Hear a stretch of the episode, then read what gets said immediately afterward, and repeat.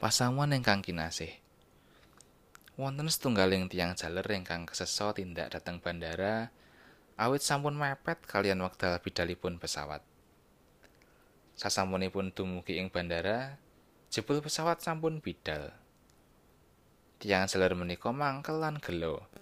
Awit wonten tanggal jawab pedamelan ing kitha sanes ingkang kedah dipun ayahi. Piyambakipun lajeng pados tiket pesawat malih supados saged bidal ing dinten menika ugi. Nalika nenggo wekdalipun bidal, piyambakipun mireng pawartos bilih pesawat ingkang kala wau sampun mabur kenging alangan. Tiang jaler menika kaget lan rumaos bekjo. Piyambakipun lajeng celatu. Gusti sing nersani aku, mula aku slamet. Jebul pitulungane Gusti elok ing titimangsane.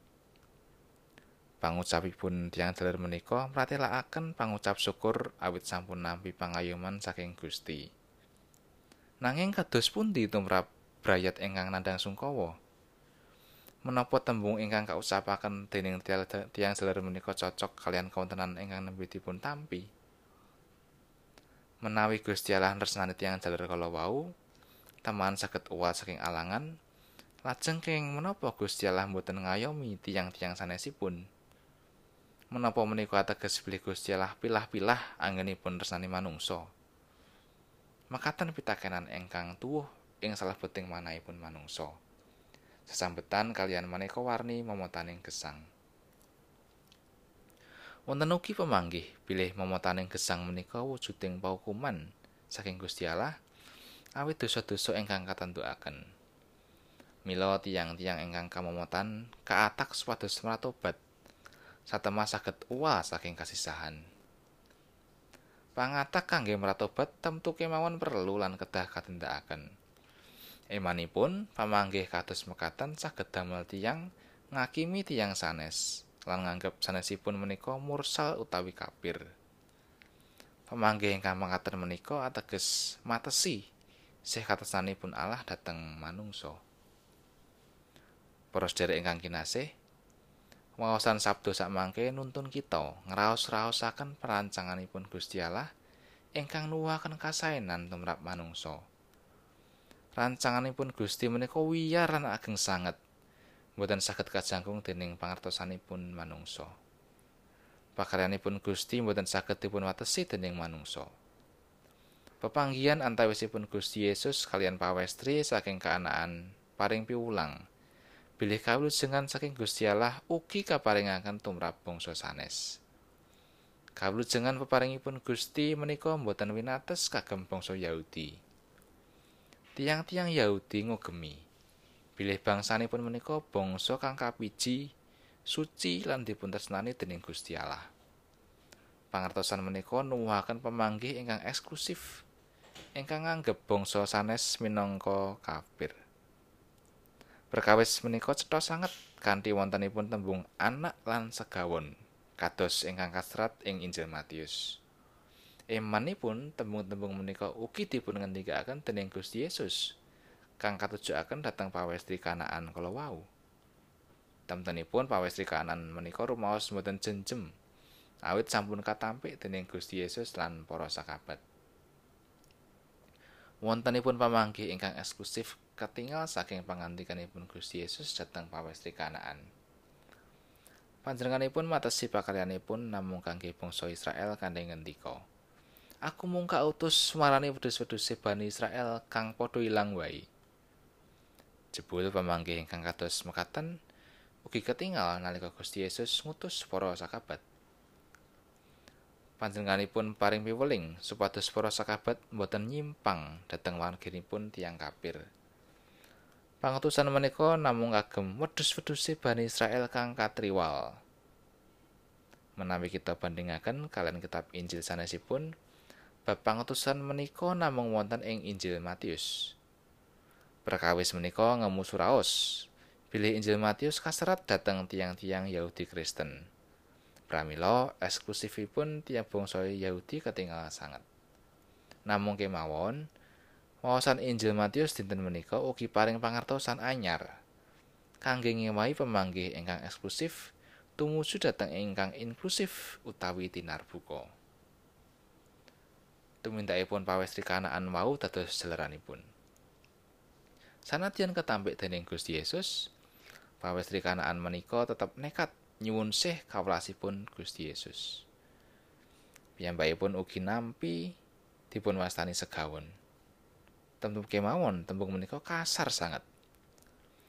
Sesetosipun tembung segawon sampun limrah kaginakaken ing satengahing pasrawunganipun tiang-tiang Yahudi kangge mbedakaken antawisipun bangsa Yahudi kalian bangsa sanes.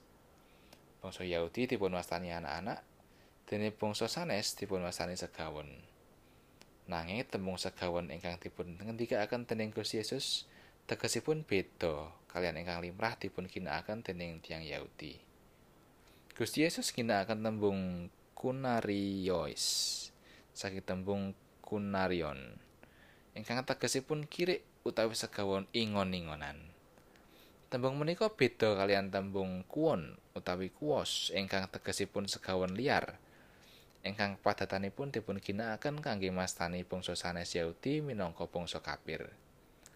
sanadyan taksih ngagem tembung segawon ananging Gusti Yesus paring pangertosan anyar Sih kamiranipun Gusti Allah ugi katujuaken dhateng bangsa sanes ingkang dipun wastani kapir kados dene segawon ingon-ingonan ingkang dipun rimat lan dipun tresnani dening benderanipun Pambudidayanipun pawestri kanaan kala wau ugi nedahaken bilih piyambakipun boten peduli menawi dipun wastani kapir. kawontenan menika boten dados pambengan kangge nyuwun dhateng Gusti Yesus. Atur wangsulanipun pawestri wau, kasinggihan Gusti. Nanging segawon ra inggih sami nedha cuwil-cuwilan ingkang dawa saking mejanipun bendaranipun.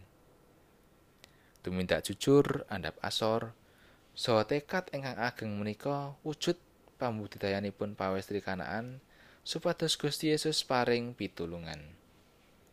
tumindakipun ingkang mekaten menika dipun alem dening Gusti Yesus. Pangandikanipun, "He wong wadon, kok gedhe pangandulmu? Mulane katekano apa kang dadi karepmu?" Para sedherek ingkang kinasih, Sih kanugrahanipun Gusti kaparingaken dhateng sedaya titah. Boten winates.